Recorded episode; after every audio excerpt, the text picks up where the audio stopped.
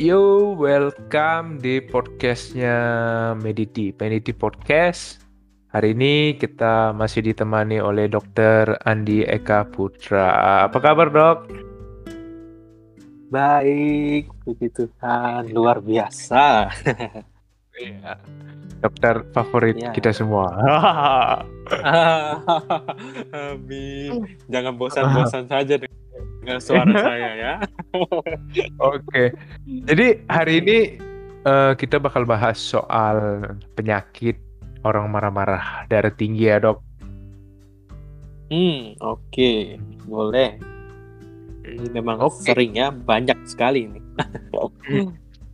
Oke, kalau darah tinggi itu dok, sebenarnya Mhm. itu eh, secara saintifiknya itu tuh penyakit itu dikarenakan apa dok? Oke. Nah, jadi yang pertama harus tahu darah tinggi itu nama penyakitnya hipertensi ya, tekanan darah tinggi. Hipertensi. Nah, mungkin banyak sekali ya penyebab hipertensi eh, atau darah tinggi. Mungkin saya hanya kasih tahu untuk tiga, tiga ya, tiga. Jadi kita bisa melihat hipertensi itu salah satunya karena eh, gaya hidup yang tidak benar atau gaya hidup yang tidak sehat. Nah, paling sering, paling sering itu karena misalnya merokok. Ya, rokok itu buat tuh pembuluh darah kita itu jadi kaku-kaku. Pipanya itu yang harusnya elastis yang kayak karet ya bisa bisa lebar-lebar, bisa sempit-sempit. Tapi karena sudah rokok maka dia jadi kaku-kaku. Akhirnya waktu darah kita lewat nah dia harus mendesak gitu ya harus agak susah gitu lewatnya. Nah itulah yang membuat eh, tekanan darah tinggi. Nah yang kedua yang paling paling paling sering karena makanan. Nah makanan itu kenapa biasa sih makanannya yang makan asin-asin. Ya jadi kalau ngomong tekanan darah tinggi atau hipertensi selalu identik pasti mikirnya garam. Ya. dan memang benar ya garam itu kalau minum eh makannya banyak maka pasti tekanannya akan tinggi. Ya karena cairan tubuh kita itu semua diserap serap serap serap masuk ke pipa gitu ya nah sama seperti kayak kalau kita masak sayur nih kalau kita eh, ada yang masak ya kita masak sayur dikasih garam sayurnya menciut karena cairannya semua airnya semua keluar. Nah, kalau di tubuh kita bayangin di pipa banyak garam tuh, semua air itu masuklah ke pipanya ke pembuluh darah. Itulah yang buat darah tinggi. Dan yang terakhir eh ya saya kasih tahu tiga. Yang terakhir itu karena sekarang gaya hidupnya banyak yang duduk-duduk saja, yang nggak ada olahraga. Oh, karena olahraga itu buat pembuluh darah kita atau pipa kita itu elastis ya bisa pan eh, bisa lebar bisa kempes gitu nah itu tiga penyebab ini yang bisa kita ubah dan yang paling sering Oke. Kok aku mau tanya nih, eh dok, aku mau nanya nih Mhm. dok. Kan Mm-mm. Kalau garam yang kita biasa pakai itu setahu aku itu kan memang nggak boleh dikonsumsi terlalu banyak karena kan nggak Hmm. tahu ya katanya su itu tuh garam tuh banyak pengawetnya lah di pas pada saat Hmm, hmm, hmm. diproses. Nah kalau kita pakai rock salt Mm-mm. eh, itu apakah mem eh, bisa mencegah darah tinggi atau hanya untuk jadi eh, apa pengganti garam doang tapi efeknya tetap sama gitu. Tadi apa Rock rock apa? salt, rock salt. Oh, oh, rock salt iya Eh, Oke. Nah, jadi sebenarnya untuk namanya garam ya. Jadi garam itu yang buat kita bisa rasa asin-asin itu ada komposisi mau dia mau dia bentuknya gimana ya, misalnya kecap asin, mau dia dalam rock salt ya yang kayak dia bentuknya besar-besar kayak batu gitu ya, atau yang garam yang dapur yang sudah halus-halus, semua itu sebenarnya eh, akan ditimbang, akan dilihat jumlahnya ya. Jadi yang masalah itu jumlah. Nah, mhm. Jumlah yang boleh ya, yang boleh itu lebih bagus kurang dari 4 sendok teh. Ya, 4 sendok teh. Uh. Itu itu dalam maksudnya tuh itu dalam tuh dalam sehari. sehari gitu. Oh, Iya. oke oke. Tapi kadang orang kan melihat 4 sendok teh, aduh dok, mana mungkin saya sehari makan 4 sendok teh. Iya. Nah, tapi masalahnya mungkin makanan yang dia masak nggak sebanyak itu, tapi makanan yang bungkus-bungkus ya, bingkis-bingkis, kue-kue itu semua ada pengawetnya, ada Iya, garamnya. Nah, itu yang buat tinggi. Jadi eh, apalagi kalau orang yang sudah darah tinggi itu hanya dibolehin satu sendok teh doang. Ya, untuk sehari. Hmm. Mm, jadi mau bentuk garam apa pun, eh, yang penting kalau masih sehat, ya, jangan sampai lebih dari 4 sendok teh. Termasuk micin ya, micin Eh, juga micin, masuk micin. garam ya. Micin garam. iya masuk juga dia. Eh ya micin kan garam benar-benar. Nah, eh kan kalau aku nih sebagai orang awam nih kan taunya itu kalau darah tinggi itu bawaannya itu pasti orang tuh marah, temperamen. Nah, itu tuh kalau secara saintifiknya tuh kenapa di ngomong kayak gitu, Dok? Apa memang itu tuh salah gitu eh, persepsi orang soal darah tinggi? Nah, jadi ini juga eh, sama seperti waktu sebelumnya ya, yang podcast sebelumnya hanya tentang stres dengan penyakit ya, penyakit dengan stres. Nah, ini juga sama gitu ya. Orang Hmm. yang marah-marah memang bisa buat darah tinggi. Nah, darah tinggi juga bisa buat orang marah-marah. Jadi dua arah juga gitu. Oh, tuh ya. Nah, kenapa misalnya orang yang marah-marah bisa darah tinggi? Jadi waktu kita marah-marah itu respon saraf di dalam tubuh kita itu cenderung untuk meningkat semua gitu ya. Akhirnya jantung kita kan pasti lebih debar-debar, muka kita merah gitu ya. Karena memang kondisi semua itu akan memicu tensinya tinggi. Nah, itu kalau Mhm. lama-lama terus seperti itu ya orangnya cenderung marah-marah-marah saja ya pastilah eh, lama-lama tubuh kita jadi aduh capek saya ngatur ya udah darah tinggi udah tinggi lalu saya mau turunin tinggi turunin tinggi turunin gitu. Akhirnya ya udahlah dia biarin. Jadilah eh, tekanan darahnya tinggi. Nah orang yang sudah eh, darah tinggi pun, nah biasanya sih memang kondisi tubuh pasti kurang fit ya, karena bisa sakit kepala, salah satu tanda ya. Tapi bukan berarti semua sakit kepala darah tinggi ya. Nah itu itu kan juga buat Iya. nyaman lah ya. Nah, pasti Iya, buat iya, gak benar. nyaman, akhirnya juga jadi marah-marah. Tapi yang lebih pasti sih eh, marah-marah bisa buat darah tinggi. Berarti ini bisa menjadi suatu penyebab kok ya. Iya pemicu ya, pemicu. pemicu pemicu Mm-mm. trigger ya. Oke. Iya benar. Nih, kalau untuk darah kalau misalnya kita ngomongin soal diabetes atau segala macam kan dia pasti komplikasi kok ya. Ada Mm, mm, mm. kemungkinan gede komplikasi. Nah, untuk darah tinggi itu sendiri komplikasinya biasa umumnya tuh ke mana? Hmm. Nah jadi eh, bahaya dari kita kalau ada darah tinggi itu adalah kenanya stroke, kena serangan jantung. Ya yang pertama sih serangan jantung. Ya yang kedua jantung. adalah stroke.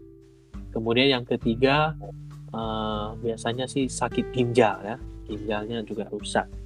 Nah itu tiga tiga komplikasi atau tiga bahaya kalau hipertensi nggak dijaga gitu. Kalau sudah kena nggak dijaga ya udahlah tiga itu biasanya kena itu. Itu pasti kenal lah ya. Mm-mm. Eh, nah, kalau untuk biasa kan kalau dalam penyakit-penyakit ini kan ada yang penyakit turunan dari Mhm. orang tua yang pernah kena. Nah, kalau darah tinggi ini termasuk penyakit turunan apa enggak, Dok? Nah iya benar. Jadi penyebabnya memang ada dari masalah keturunan juga. Jadi Mhm. kalau orang tuanya darah tinggi, biasanya anaknya atau keturunannya ada tuh yang darah tinggi. Tetapi kenapa tadi saya nggak sebut untuk penyebabnya karena genetik itu nggak bisa diubah gitu ya. Jadi jangan cari alasan kalau "Eh, kenapa darah tinggi?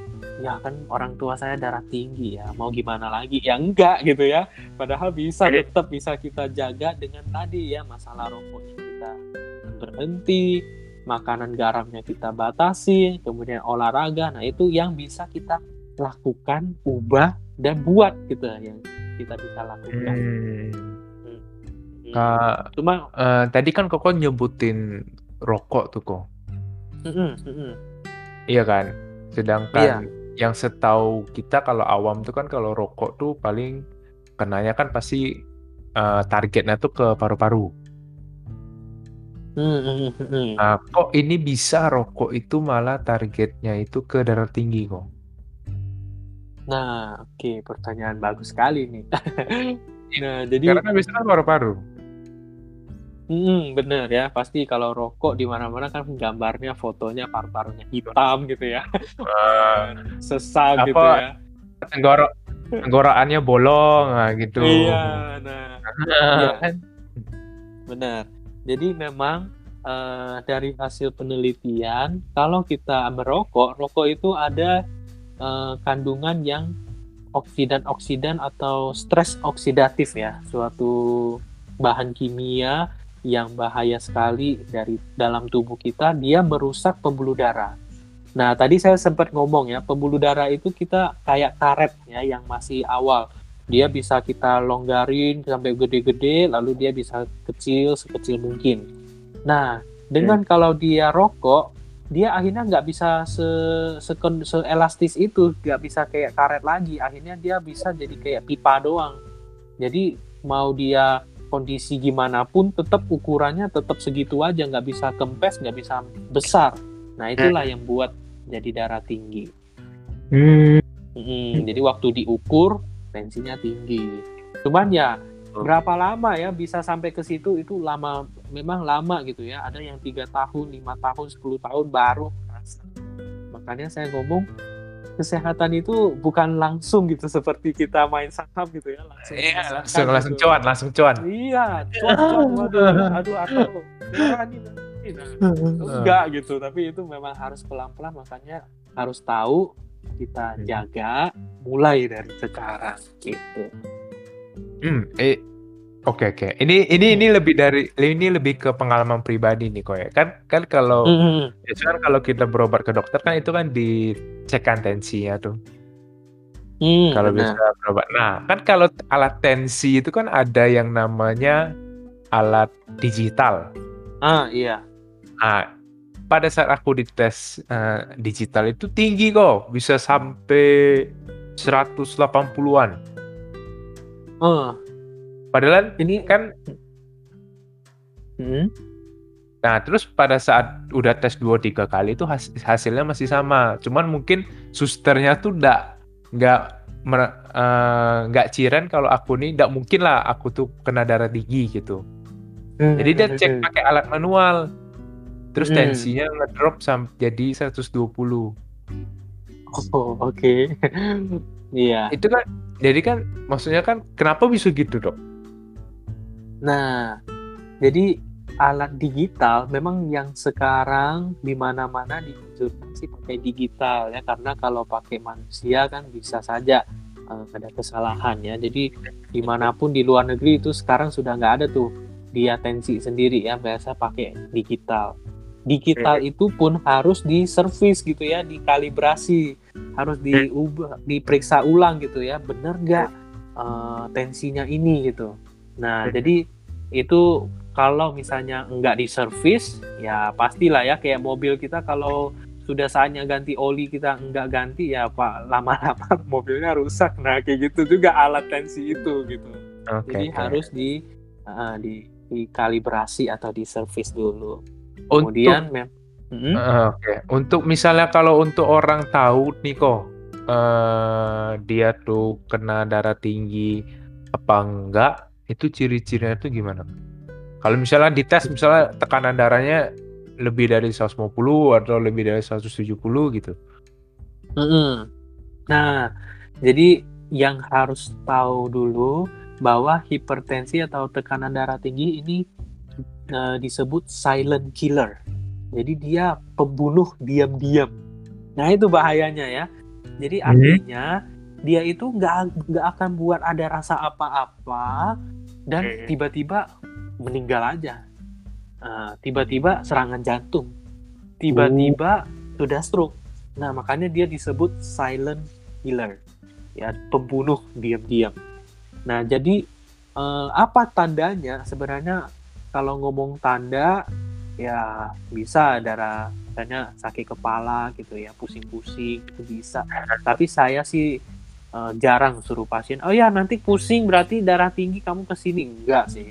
Biasanya tetap kalau sudah usianya 30 tahun ke atas, sudah tuh harus medical check up, periksa tensinya. Nah, bahkan yang umur 20-an saya juga sudah mulai anjurin, periksalah tensinya. Nah, jadi tahu, oh, umur segini tensinya 120 berapa. Oh, tensinya segini-segini masih oke. Nah, kalau oke ya mungkin tiga bulan lagi, enam bulan lagi, satu tahun kemudian baru cek lagi itu nggak apa-apa. Nah, jadi hmm, harus di eh, tahu darah tinggi itu lewat cek tensi. Jadi nggak ada tuh lewat yang eh, keluhan-keluhan gitu, tanda-tanda gitu. Gejalanya tuh tidak bisa berdasarkan gejala yang dialami ya, Hmm. dok. Iya benar-benar. Jadi memang disebut silent ya silent killer. Diam-diam aja dia. Hmm. Jadi eh, menurut dokter eh, cara mencegah yang paling baik itu gimana dok? Hmm. Nah, cara mencegah ya. Jadi tadi kan sudah saya sebutkan dan saya tekankan ada tiga penyebab. Padahal sebenarnya banyak sekali ya. Tiga penyebab itu yang bisa kita ubah. Nah, inilah yang bisa kita cegah. Jadi yang rokok, janganlah rokok ya. Bisa kalau bisa hentikan rokok. Aduh, di setiap dokter kayaknya ketemu pasti suruh hentikan rokok. Memang susah Iya, iya, gitu ya, susah. Tapi kalau misalnya biasanya eh, rokoknya satu bungkus, wah itu ada ya satu bungkus. Mungkin Ah. jadi satu hari setengah bungkus. Turunin jadi- pelan-pelan gitu. Jadi rokoknya dikurangin gitu, bukan maksudnya langsung Hmm. stop, nggak boleh sama sekali I- gitu kan? Iya, memang harusnya idealnya Harusnya langsung stop Idealnya ya. seperti itu langsung stop, cuman kan nggak Iya. mungkin ya. Nggak mungkin. Bener. Mm-mm, sudah kebiasaan gitu ya. Kebiasaan Hmm. orang Indonesia makan nasi, nggak makan nasi, bilang nggak makan gitu. Nah sama. Saya nggak bakal makan. Tuh, iya, kalau sudah sudah rokok lalu ke- jadi kebiasaan tapi eh, tiba-tiba berhenti ya rasanya gimana gitu. Jadi kurangin dulu lah pelan-pelan gitu. Mm, Hmm. Itu yang, yang pertama. Yang Hmm. kedua tadi adalah masalah garam. Hmm. Hmm. Nah, yang garam ini nih, kalau makanan, saya yakin lah kalau makanan rumah jarang tuh ya mama-mama kita ya atau orang tua kita siapa pun yang masak itu kasih garamnya banyak-banyak gitu ya. Ya, orang, Sampai- orang rumah lah maksudnya kalau ya. Heeh, itu Ah. jarang garamnya banyak. Jadi Banyak. banyaklah makan makanan di rumah ya. Itu sehat. Saya yakin semua orang tua mau anak-anaknya, keluarganya sehat-sehat. Jadi pasti masaknya akan dijaga tuh garam. Nah, tetapi yang sering jadi masalah mungkin anak kos nih ya. Akhir-akhir Ecin. wah, nah ini akhir-akhir bulan kita makan Indomie gitu ya. Eh, eh jadi sebut merek ya, bukan mie instan. Nah, mie instan. instan, instan. mie instan ya. Jadi itu ada micin-micin yang garamnya tinggi atau Hmm. ada yang nggak mau makan berat, nggak mau makan nasi, tapi makannya biskuit-biskuit gitu ya. Nah itu Hmm. garamnya juga tinggi. Nah itu. Mhm. Jadi yang kalau bisa satu makan makanan rumah, kemudian makanan yang bingkis-bingkis ya seperti itu janganlah gitu. Dan- Jangan. Dan Hmm. ternyata baru tahu, dok, kalau Indomie itu idealnya itu satu hari cuman boleh makan satu bungkus Indomie karena dia punya kadar apanya gitu. Katanya itu udah melebihi batas kalau makan dua bungkus Indomie. Eh, mie instan. Iya kan? Eh, Bener Kak? mie instan. Ya, Iya, kalau nggak nggak nggak juga berarti kalau misalnya kayak gitu ya udah setiap hari makan satu nggak masalah. enggak sih ya. Iya, iya. Eh, jadi Heeh. tapi lebih nggak nggak dianjurkan juga untuk setiap hari makan itu karena yang di yang ada di mie instan itu hanya karbohidrat. Sedangkan kita kan butuh lemak. Kita Iya, juga butuh lemak. protein. protein benar. Nah, butuh butuh vitamin, mineral dan lain-lain sebagainya. Kalau hanya makan mie instan doang, yang kita dapat adalah lemak sama karbohidrat Karbo, saja. iya, itu itu saja. Benar, benar, benar. Hmm, akhirnya gizi kita jadi kurang juga. Jadi tetap lebih anjurkan makanlah makanan rumah ya. Jadi yang masih tinggal sama orang tua nikmati makan dengan orang tua makanan rumah. Yang ngekos ya terpaksa makan di luar nggak apa-apa tapi jangan lagi tambah dengan makanan yang tinggi micin, tinggi asin-asin gitu. Bakwan tuh bakwan kan cuman tepung, air sama mecin. bakwan tuh. Ini Iya. bakwan dikurang-kurangin bakwan. Gorengan tuh kan. Bener. Jadi, ya sebisa mungkin makan yang buah gitu ya. Jadi kalau misalnya lapar banget ya carilah buah gitu. Atau minum gitu ya air putih. Nah itu lebih bagus lah. Nah, itu makanan ya. Jadi Eh, pencegahan tadi satu rokoknya, kemudian sekarang makanan yang lebih penting itu garamnya, kemudian yang terakhir yaitu Hmm. banyaklah olahraga. Hmm. Nah, Ya. tadi saya juga sebutkan kalau pembuluh darah kita itu kayak karet ya. Nah, kalau rokok buat dia kaku, kalau kita olahraga buat dia itu elastis ya, bisa ditarik-tarik, bisa lebar, bisa ke- kecil. Nah, jadi harus Hmm. banyak gerak. Kalau makin Hmm. banyak duduk, makin makin cepat kita darah tinggi. ya, jadi harus banyak bergerak. eh, jadi kalau kurang exercise itu dia punya pembuluh darahnya itu kurang apa? Kurang elastis ya? Iya, Atau gimana?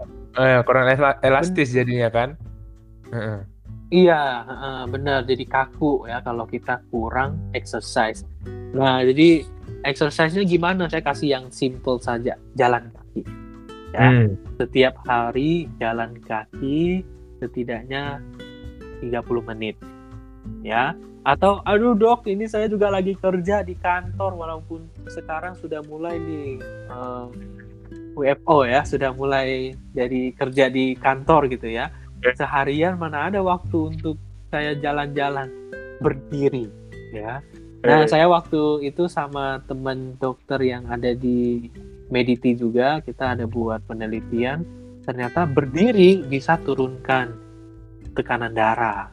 Hmm, jadi kalau memang nggak bisa jalan-jalan-jalan, ya setidaknya berdiri gitu. Hmm, benar-benar. At least at least tuh doing something lah selain duduk ya. Iya benar. Nah, berarti secara keseluruhan ini intinya itu adalah mengubah pola hidup menjadi yang lebih sehat. Iya dari benar mulai, sekali. dari mulai makanan, habit, kebiasaan ngerokok, jadi kebiasaan sering olahraga, gitu kan. Eh, Mm-mm.